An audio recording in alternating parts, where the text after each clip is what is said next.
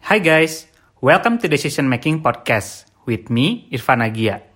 Sebuah podcast tentang bagaimana kita bisa lebih baik dan juga lebih bijak dalam mengambil keputusan dalam kehidupan kita sehari-hari. Dibahas dari berbagai perspektif, terutama keilmuan psikologi dan behavior science. Karena hidup adalah akumulasi dari pilihan-pilihan yang kita ambil. Summary dari setiap episode di podcast ini akan selalu gue share di fitur Insta Stories. Jadi nanti bisa cek aja di Instagram at irfan underscore agia. Nah, di episode ke-55 ini, kita bakal bahas topik yang menurut gue deep banget ya, dan perlu banyak lensa ataupun perspektif untuk membahasnya, yaitu tentang truth atau kebenaran. Nah, kenapa gue bilang episode ini tuh termasuk salah satu yang cukup deep ya untuk bahas karena ini berkaitan banget dengan pertanyaan yang menurut gue filosofis sekali ya dan I think it's uh, it's all in our mind ya sebetulnya baik secara sadar ataupun tidak. Jadi pertanyaan-pertanyaan kayak misalnya what is truth? Apa sih kebenaran itu sebetulnya? Kemudian apakah bisa ada lebih dari satu kebenaran atau enggak? Terus gimana sih caranya kita bisa tahu sesuatu itu benar atau tidak? Gitu kan? Dan apakah ada standarnya? Apakah setiap orang punya standar untuk menentukan apa yang baik dan apa yang benar? Sorry dan apa yang tidak benar. Gitu. Nah kalau kita tahu sebetulnya tentang teori-teori mengenai si truth ini atau kebenaran dalam bahasa Indonesia itu kita bisa menentukan juga tuh kira-kira uh, dengan lebih wise ya sesuatu benar atau tidak. Kita bisa jadi manusia yang lebih wise dalam mengambil keputusan-keputusan dan menjudge apa yang terjadi dalam hidup kita. Apakah itu sesuatu yang benar? Apakah ini something good something real? Gitu kan something that uh, is uh, coherence with our reality atau enggak gitu. So, gue akan coba bahas tentang topik yang cukup berat ini secara mudah. So, bear with me and hopefully wrap as usual in 20 minutes ya. Jadi kita coba bahas secara singkat, padat, dan juga uh, tetap uh, memberikan perspektif yang lebih luas ya tentang konsep-konsep ini. Nah, konsep dari truth ini sendiri dari dulu emang gak pernah ada teori yang sama atau jawaban yang pasti untuk membahas si truth ini. Karena sampai sekarang pun sebetulnya belum ada satu orang pun yang bisa menjawab dan menentukan sesuatu itu benar atau tidak. Selalu ada sisi lain yang punya pemikiran berbeda in all their own rights ya sebetulnya. Gitu. Nah, mungkin kita coba dari sisi dasarnya dulu ya tentang kata truth itu sendiri. Nah, banyak banget sebetulnya definisi dari truth ini, cuma gue ambil yang paling to the point dan deskriptif itu dari perspektif Anglo-Saxon ya. Itu truth itu adalah agreement with fact or reality. Jadi sesuatu yang benar, sesuatu yang berdasarkan fakta dan sesuatu yang real, nyata gitu truth itu. Nah, uh, konsep truth ini sendiri pun selalu banyak asosiasinya sama justice, sama power, sama freedom dan kalau kita backtrack sebetulnya dari dari filosofi ya, dari filosofer-filosofer itu memang mereka tertarik untuk membahas sesuatu tentang kebenaran ini sendiri. Nah, dari pandangan classical classical studies itu ada empat sebetulnya common theories dari si truth atau kebenaran ini. Nah, yang pertama adalah teori tentang correspondence. Jadi dinamakannya correspondence theory. Ini singkatnya adalah whatever correspond with observable reality is true. Oke, nanti kita akan bahas satu-satu lebih dalam. Yang kedua adalah namanya the coherence theory. Jadi suatu claim tentang statement tentang sesuatu itu menjadi benar, menjadi truth ketika itu make sense dan logis. Oke. Nah, yang ketiga itu adalah konsensus teori. Jadi artinya sesuatu dikatakan benar ketika everyone agrees to be true. Jadi sesuatu dikatakan uh, real, uh, punya kebenaran ketika kita tanya sama semua orang itu punya pandangan dan uh, belief yang sama tentang hal tersebut. Sama yang terakhir yang menurut gue paling menarik itu namanya the pragmatic theory. Jadi teori ini menyatakan bahwa sesuatu yang benar adalah ketika sesuatu itu berguna untuk kita, untuk uh, keseharian kita, untuk hidup kita, itu bisa kita katakan benar. Nah, sekarang kita coba bahas uh, satu-satu ya secara secara jelas. Nah, yang pertama itu tentang correspondence theory. Nah, teori correspondence ini tuh menyatakan kalau truth uh, sesuatu yang bisa dikatakan truth itu adalah ketika itu match dengan sesuatu yang bisa kita lihat gitu ya, observable reality. Nah, aplikasi dari teori ini yang paling jelas itu adalah science. Jadi kita ketika punya metodologi scientific, kita selalu conducting eksperimen atau ngetesting gitu ya untuk memverifikasi atau mungkin disapprove hipotesa-hipotesa kita tentang suatu fenomena atau suatu hal. Nah, kita menggunakan koresponden teori ini untuk uh, ngecek gitu ya, apakah yang kita asumsikan itu betul uh, bisa dites, dinyatakan dan ada hasilnya gitu ya, secara metode saintifik. Gitu. Nah, teori dari korespondensi ini, koresponden sendiri ini juga nggak cuma ada di science ya teman-teman. Jadi sebetulnya di daily life kita juga menggunakan teori ini tanpa kita sadari. Contohnya misalnya ketika kita mau ngecek suatu claim atau suatu statement bilang misalnya ah semua cowok itu tuh nggak nggak jago atau nggak bagus kalau ngurus rumah misalnya ya. Gitu itu kan ada ada satu statement seperti itu. Nah itu contohnya. Kita kemudian setelah menang statement itu kita akan mencoba mengevaluasi that claim dengan kita mencoba ngelihat experience kita pas knowledge kita pas experience kita. Orang-orang laki-laki yang kita tahu apakah mereka itu memang betul punya apa punya keburukan lah ya, atau nggak nggak cocok untuk ngurus rumah. Misalnya masak nggak bisa gitu kan nyuci nggak bisa seperti itu. Nah korespondensi teori ini juga sebetulnya kalau di argumentasi itu sering banget di di challenge ya. Jadi sesuatu yang di challenge sama uh, banyak orang gitu. Contohnya kita nggak bisa tanda kutip menggeneralisasi hal tersebut. Ini juga berkaitan sama topik uh, sebelumnya di episode uh, sebelumnya tentang stereotip gitu. Jadi kalau kita mau benar-benar sharp tentang mempelajari kebenaran, ketika kita mendengar statement, kita harus mencoba based on our experience mencari counter intuitifnya. Emang bener ya semua cowok itu tuh nggak nggak jago ngurus rumah gitu ya. Kita coba cari teorinya, eh sorry uh, dari pengalaman kita, dari teori lain seperti apa kayak gitu. Jadi intinya harus uh, apa correspondence dengan uh, yang pengalaman kita lihat sebelumnya. Nah, yang kedua itu namanya yang coherence theory. Itu menyatakan bahwa setiap klaim, setiap argumen tentang sesuatu itu harus make sense untuk dikatakan itu tuh benar atau menjadi sebuah truth kebenaran. Nah, argum jadi dia tuh menyatakan bahwa setiap argumen, setiap statement itu harus flow logically dari premis satu ke premis lain dan juga intermediate propositionnya. Nah, di sinilah kata fallacy gitu ya, atau logical fallacy itu datang dari sini. Ketika misalnya kita uh, bikin suatu argumen dan itu tuh ketika orang lain mendengarnya ah nggak make sense. Karena nggak nggak nggak log, logis kemudian nggak sesuai sama apa yang lo bilang sebelumnya misalnya. It violating the rules of logic and therefore our argument itu bisa rejected sebagai false. Gitu. Jadi itu bisa jadi tidak benar uh, no truth in that statement. Nah jadi si correspondence teori yang sebelumnya sama coherence teori ini tuh kadang uh, jadi ini juga ya, jadi banyak digunakan uh, bersamaan gitu. Contohnya misalnya ketika kita menjudge atau mencoba mengevaluasi suatu kebenaran, dia akan melihat gitu ya uh, statement tersebut yang pertama dari sisi correspondence. Kayaknya enggak deh, ini uh, dari pengalaman-pengalaman gue sebelumnya, gue nggak pernah tuh uh, lihat cowok yang uh, misalnya buruk banget dalam ngurus rumah. Nah itu dari correspondence teori. Gitu kan yang kedua misalnya coherence. Nah yang coherence ini dia bilang ah ini nggak make sense gitu kan. Lu klaim dari mana si si ini nggak ada nggak ada logikanya, nggak ada argumentasi yang jelas seperti itu nggak make sense seperti itu.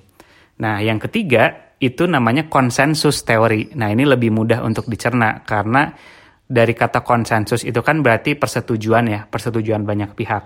Jadi suatu kebenaran itu dikatakan benar, eh suatu statement, suatu uh, uh, realita itu dikatakan benar ketika everyone agrees to be true. Gitu. Nah, sebetulnya tanpa kalau kita lihat ya secara cermat banyak banget sebetulnya human human knowledge kita ini depend sama konsensus untuk uh, bisa bekerja. Contohnya yang paling dekat dengan kita tentang menggunakan masker, misalnya ya. Jadi kayak ketika misalnya kita menggunakan masker di fase awal gitu ya untuk uh, prevent the spreading of COVID-19 Dari mana gue tahu kalau masker ini tuh uh, baik gitu ya untuk uh, meminimalisir penyebaran COVID gitu. Nah, kita tuh nggak punya pertama nggak punya uh, korespondensnya. Apakah gue pernah lihat di secara realita orang yang pakai masker itu tuh nggak pernah sakit sakit COVID gitu kan. Nah itu juga sebetulnya di fase awal kita kan nggak punya banyak pengalaman itu ya, nggak ada korespondensi tentang itu. Terus yang kedua, apakah ada seseorang yang datang ke kita ngasih tahu suatu statement yang uh, make sense atau logik kenapa si masker ini tuh bisa apa bisa menghentikan penyebaran COVID secara coherence nggak ada juga gitu. Nah, kita menggunakan apa nih untuk bisa menyatakan penggunaan masker itu adalah suatu kebenaran, truth untuk meminimalisir penyebaran COVID-19. Kita rely dengan konsensus dari expert atau dari scientist yang uh, melakukan suatu studi bahkan pakai proper kalau di scientific method itu namanya uh, randomized control trial RCT namanya. Nah, nah dari situ kita jadi percaya bahwa oh ya I believe in the consensus of expert, so therefore I wear a mask gitu kan. Nah, jadi konsensus ini punya important part banget di metode scientific gitu. Jadi kita perlu juga uh, studi-studi ini mendapatkan konsensus dari lebih dari satu orang, lebih dari satu expert uh, untuk menjadi panduan kita terhadap tentative conclusion on what is true and known about our world seperti itu. Nah, yang keempat yang menarik nih, ini namanya the pragmatic theory. Gitu. Jadi ini teori uh, yang pragmatis, paling pragmatis dari ketiga teori sebelumnya. Jadi pragmatic theory ini sebetulnya gampangnya adalah whatever it is useful for you, whatever beneficial for you, it is true. Gitu. Contoh gampangnya apa? Misalnya, uh, eh, gue ambil contoh satu tentang agama misalnya. If you find that believing in a religion helps you to become a better, more effective person, then it is perfectly acceptable untuk uh, dari sisi pragmatis ya untuk kita punya agama gitu ya me menjalani ajaran agama dan believe it as a truth gitu. In other words sebetulnya uh, if it works for you why not gitu. Itu salah satu contohnya ya. Ketika misalnya dari sisi pragmatis kalau misalnya kita merasa dengan mengajak mengamalkan ajaran agama membuat hidup kita lebih tenang lebih lebih apa ya lebih punya hubungan baik dengan uh, saudara-saudara kita yang lain dan it can be true gitu ya. Itu bisa menjadi kebenaran untuk kita. Selama itu memang membuat hidup kita lebih baik. Gitu. Nah konsep pragmatisme ini sendiri cenderung counter intuitif dari tiga uh, ini sebelumnya gitu. Nah counter intuitifnya ini dilihat dari mana sih? Yang pertama dia itu tidak berfokus pada the question is it true? Apakah benar? Gitu kan? Kan kalau yang lain di tiga teori sebelumnya kan benar-benar benar-benar cari tahu apakah ini tuh benar atau enggak. Tapi pertanyaan ini kalau di teori pragmatis itu digantikan menjadi does it work? atau is it useful for my goals nah jadi kalau dilihat itu kan beda banget ya standar untuk menentukan sesuatu yang benar atau enggak itu dengan tiga teori sebelumnya nah jadi gampangnya adalah teori pragmatis ini lebih menekankan pada hasilnya atau uh, uh, atau result dari si kebenaran tersebut dan mereka ini orang-orang pragmatis ini less interested in why something works. Kebayangkan bedanya ya? Gitu. Nah, contohnya misalnya kayak uh, placebo effect misalnya. Jadi placebo effect ini adalah hmm, suatu obat yang sebetulnya tuh nggak ada nggak ada isinya, nggak ada kandungannya gitu ya, bener-bener obat kosong lah. Tapi misalnya ternyata ketika di eksperimen kita namakan ini pro, uh, obat obat A misalnya ya. Kemudian uh, eh, gue misalnya rutin ngambil obat A, terus gue merasakan placebo effect. Wah ternyata uh, eh, gue jadi lebih bugar ya setelah minum obat A ini. Padahal itu tuh nggak nggak apa nggak nggak ada isinya gitu kan.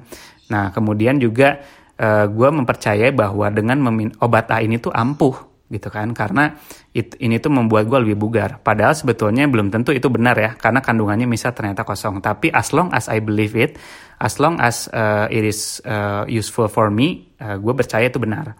Gitu. Terus misalnya tradisi-tradisi orang dulu gitu ya. Misalnya mungkin dulu gue sering dengar waktu kecil tuh kayak kalau misalnya anak anak kecil sering ngompol gitu ya terus kayak si pusarnya itu di apa pakai serangga gitu kan itu bisa jadi nggak apa nggak nggak ngompol lagi Terus ternyata uh, turns out beberapa orang dulu itu melihat ada efeknya gitu ya. Nah, Jadi mereka akan menganggap this is true karena memang dari pengalaman uh, itu itu betul terjadi gitu karena uh, itu bisa jadi truth untuk mereka. So as long as it is it is work for me gitu kan ya udah gue nggak peduli apakah ini benar atau enggak tapi ini adalah kebenaran buat gue karena ini uh, it is useful for me seperti itu.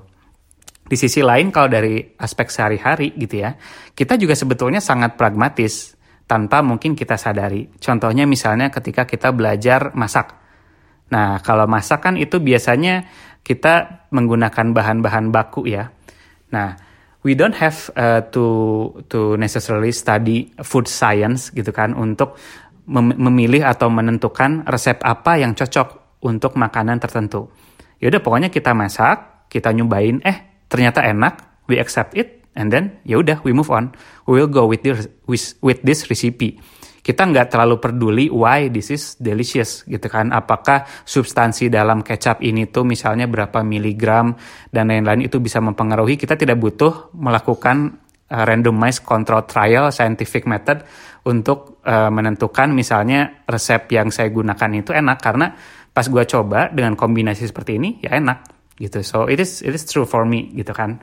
Nah itu contoh gampangnya bagaimana kita itu sebetulnya in some ways very pragmatic in uh, in our daily life seperti itu. Nah, terus ada juga pandangan menarik yang gue lihat dari suatu blog ya. Dia mencoba menganalisa uh, Lee Kuan Yew si apa perdana menteri uh, Singapura ya. Dia tuh bilang bahwa uh, dia itu sangat pragmatis. Pragmatisnya dari sisi apa? Dia akan going with whatever idea prove useful. Whatever idea works. Dia nggak peduli mau itu tuh uh, idenya datang dari misalnya political left party atau political right gitu kan? Karena political party juga itu punya truthnya masing-masing. Dia nggak peduli. Yang penting ini tuh berhasil gitu kan? Nah jadi ini bisa menjadi refleksi juga bagi kita gitu ya kalau misalnya uh, standar truth kita itu bisa menjadi misalnya does this work itu kita bisa lebih uh, nggak lebih objektif ya dalam menilai sesuatu seperti itu. Nah, itu dari empat classical uh, study ya, empat classical uh, school lah, school of thought tentang bagaimana kita me melihat perspektif mengenai truth. Nah, sekarang ada yang modernnya, yang ini pun gue rasa sangat menarik ya, dari Neil deGrasse Tyson.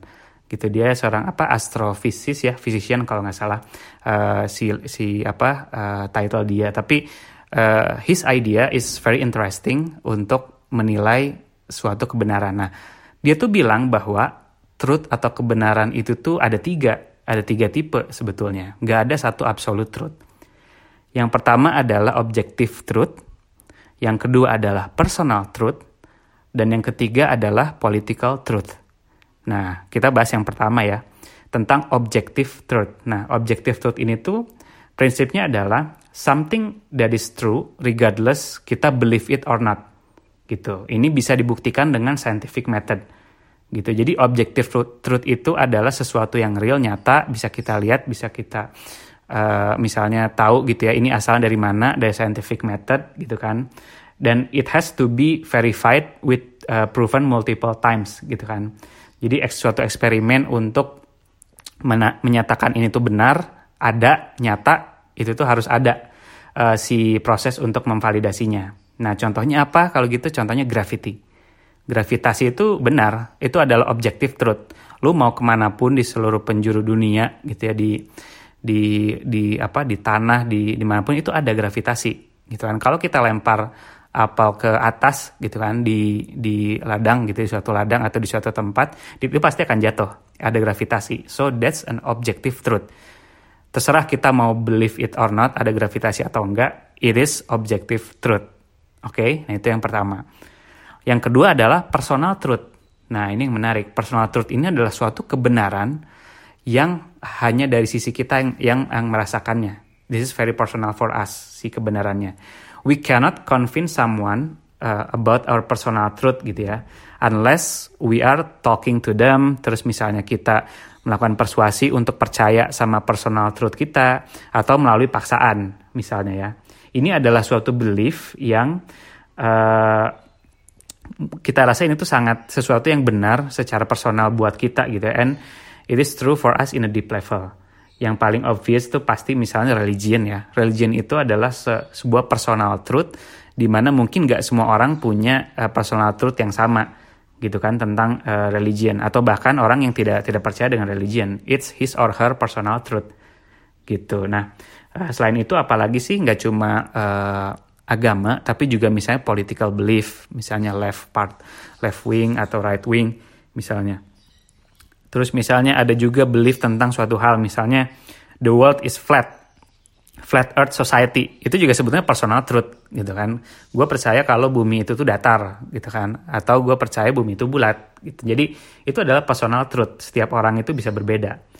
Dan atau bahkan misalnya ada alien. Misalnya ada seseorang yang punya personal truth bahwa alien itu ada extraterrestrial beings itu ada ada yang enggak nggak mungkin. Nggak percaya seperti itu. Atau bahkan zodiak gitu ya.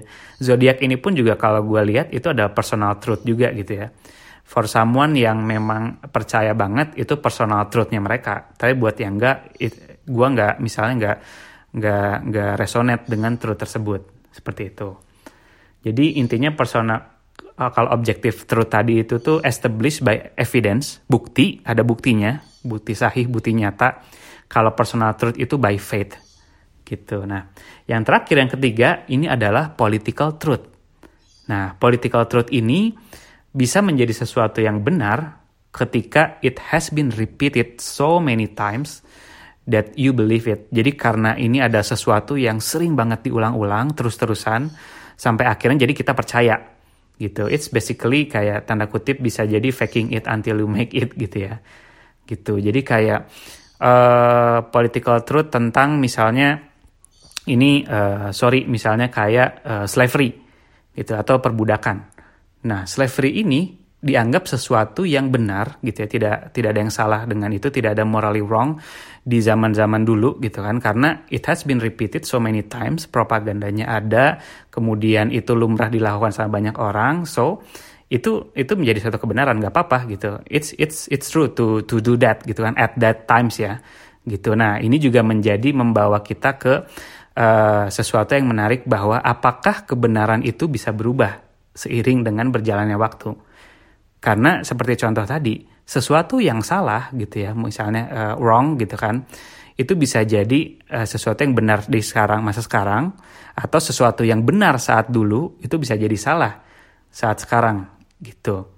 Nah, kayak contoh misalnya waktu dulu ada yang bilang misalnya bumi itu uh, bulat, tapi saat itu banyak orang nggak percaya gitu kan, ah nggak mungkin bumi itu bulat. Tapi sekarang misalnya dari dari based on uh, apa uh, science, based on uh, a lot of study gitu ya, aerospace menyatakan memang bumi kita bulat. Kebenaran bisa berubah gitu kan. Terus misalnya yang dulu itu salah, eh, yang itu benar ya udah nggak apa-apa kok melakukan perbudakan misalnya. Tapi sekarang itu sangat-sangat salah misalnya. Itu juga menunjukkan bahwa ada indikasi truth itu tuh bisa bisa berubah. Nah sekarang akan kita bahas gitu ya apakah kebenaran itu bisa berubah seiring berjalannya waktu dan apa yang bisa menyebabkan hal tersebut. Nah, jadi kalau uh, dari apa ya dari buku dan filmnya Da Vinci Code itu ada menarik juga tuh dia bilang bahwa histori ya tentang sejarah. Ini sangat berkaitan juga sih sebetulnya dengan political truth.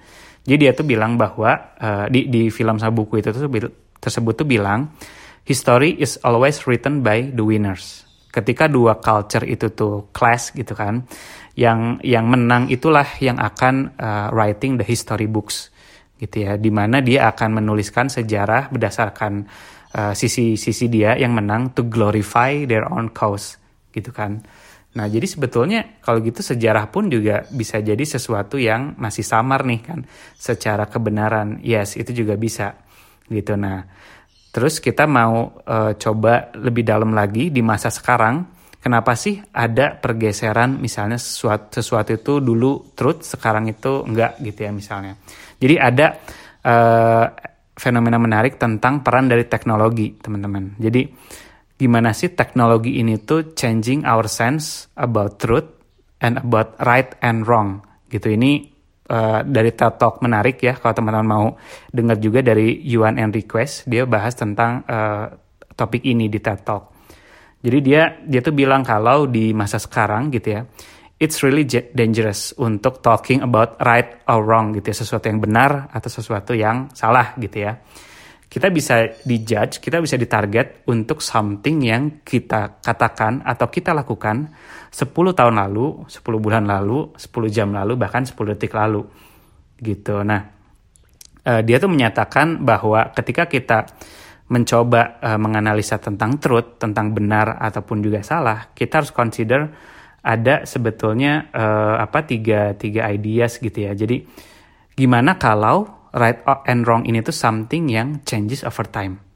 Gitu ya. Dan bagaimana kalau sesuatu yang benar dan salah itu tuh bisa berubah karena teknologi. Gitu.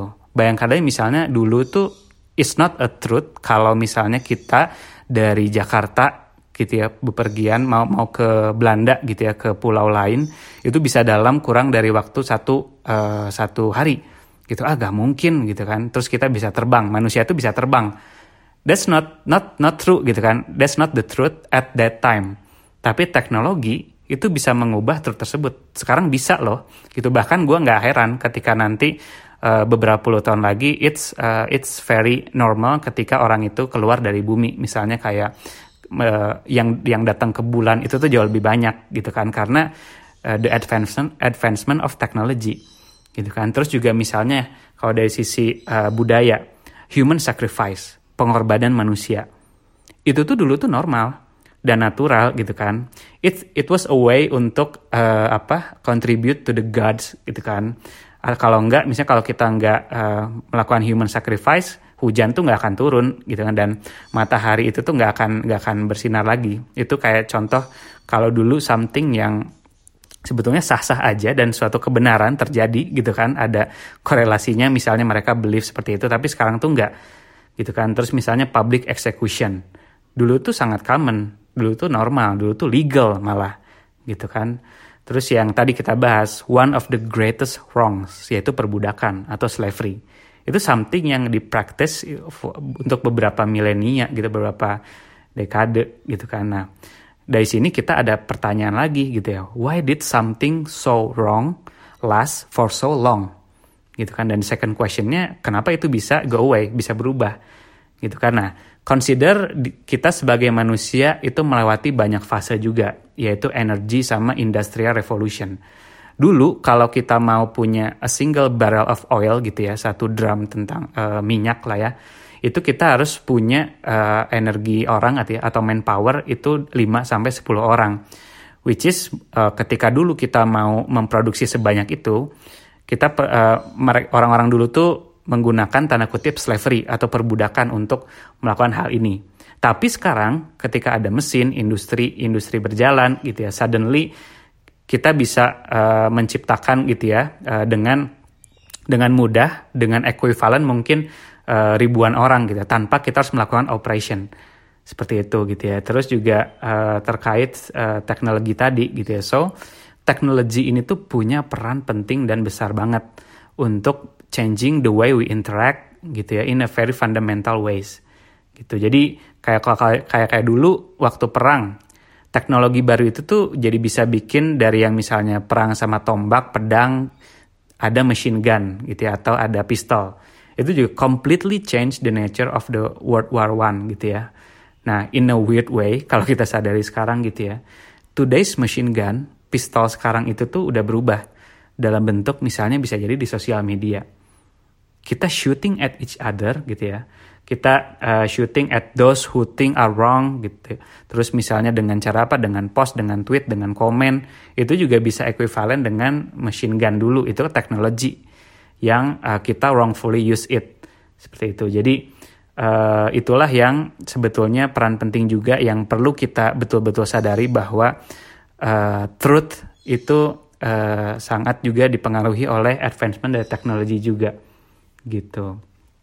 Dan kalau kita lihat terkait polarized view gitu kan di, di US dulu eh beberapa waktu lalu ada uh, tagar Black Lives Matter. Terus ada bilang yang sisi satunya we support the police. Jadi ada yang dari sisi polisinya.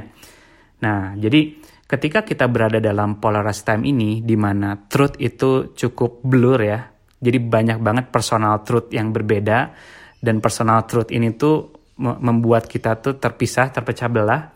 As you think of right and wrong, we have to understand that uh, right and wrong itu juga bisa changing and changing in the most exponential ways. Dan ini didrive oleh teknologi. Terutama kalau di era kita ya, the challenge we are facing right now is social media. Nah, di era sekarang yang harus kita dua dua kata yang harus kita sangat-sangat uh, apa pegang teguh itu adalah humility and forgiveness. Gitu tentang ketika kita mau menjudge mau melabel seseorang itu benar gitu atau salah. Nah ketika kita mencoba menjudge uh, masa lalu seseorang atau masa lalu suatu komunitas masa lalu suatu negara do so with a little bit of humility. Karena mungkin uh, perhaps if you've been if we've been educated at that time if we live at that time mungkin kita juga bisa melakukan done a lot of things uh, wrong. Bukan karena uh, mereka itu benar ya orang-orang yang kita label salah. Bukan karena kita nggak ngelihat itu sesuatu yang salah hari ini but simply karena understanding about rights and wrong kita di saat tersebut itu bisa berubah across time. Nah yang kedua itu adalah the second word forgiveness jadi forgiveness ini tuh sangat penting these days di era post truth lah alternative truth right or wrong labeling people we cannot cancel somebody for saying wrong things, wrong word gitu ya.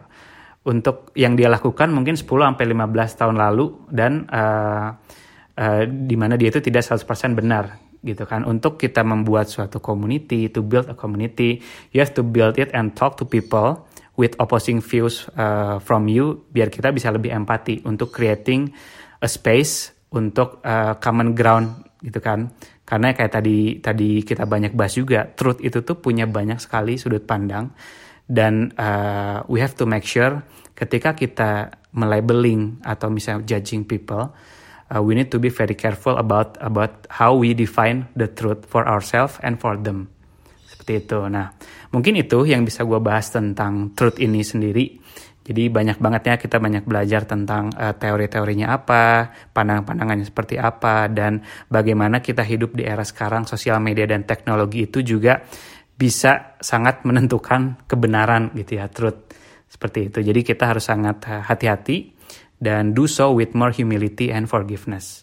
Nah untuk episode selanjutnya gue bakal bahas topik tentang yang cukup berkebalikan dari truth ini yaitu lies atau kebohongan. Oke, nanti kita akan bahas banyak aspek juga tentang lies. Jadi, sampai jumpa di episode ke-56. Kalau ada request atau masukan tentang feedback, saran, input, boleh email atau message gue di Instagram at irfan underscore agia. Nah, kalau teman-teman ngerasa topik-topik di podcast ini berguna atau memberi wawasan baru, please share it to others. Bisa bagikan link konten podcast ini di Instagram, because sharing is caring. Thank you and see you in the next two weeks. Bye-bye.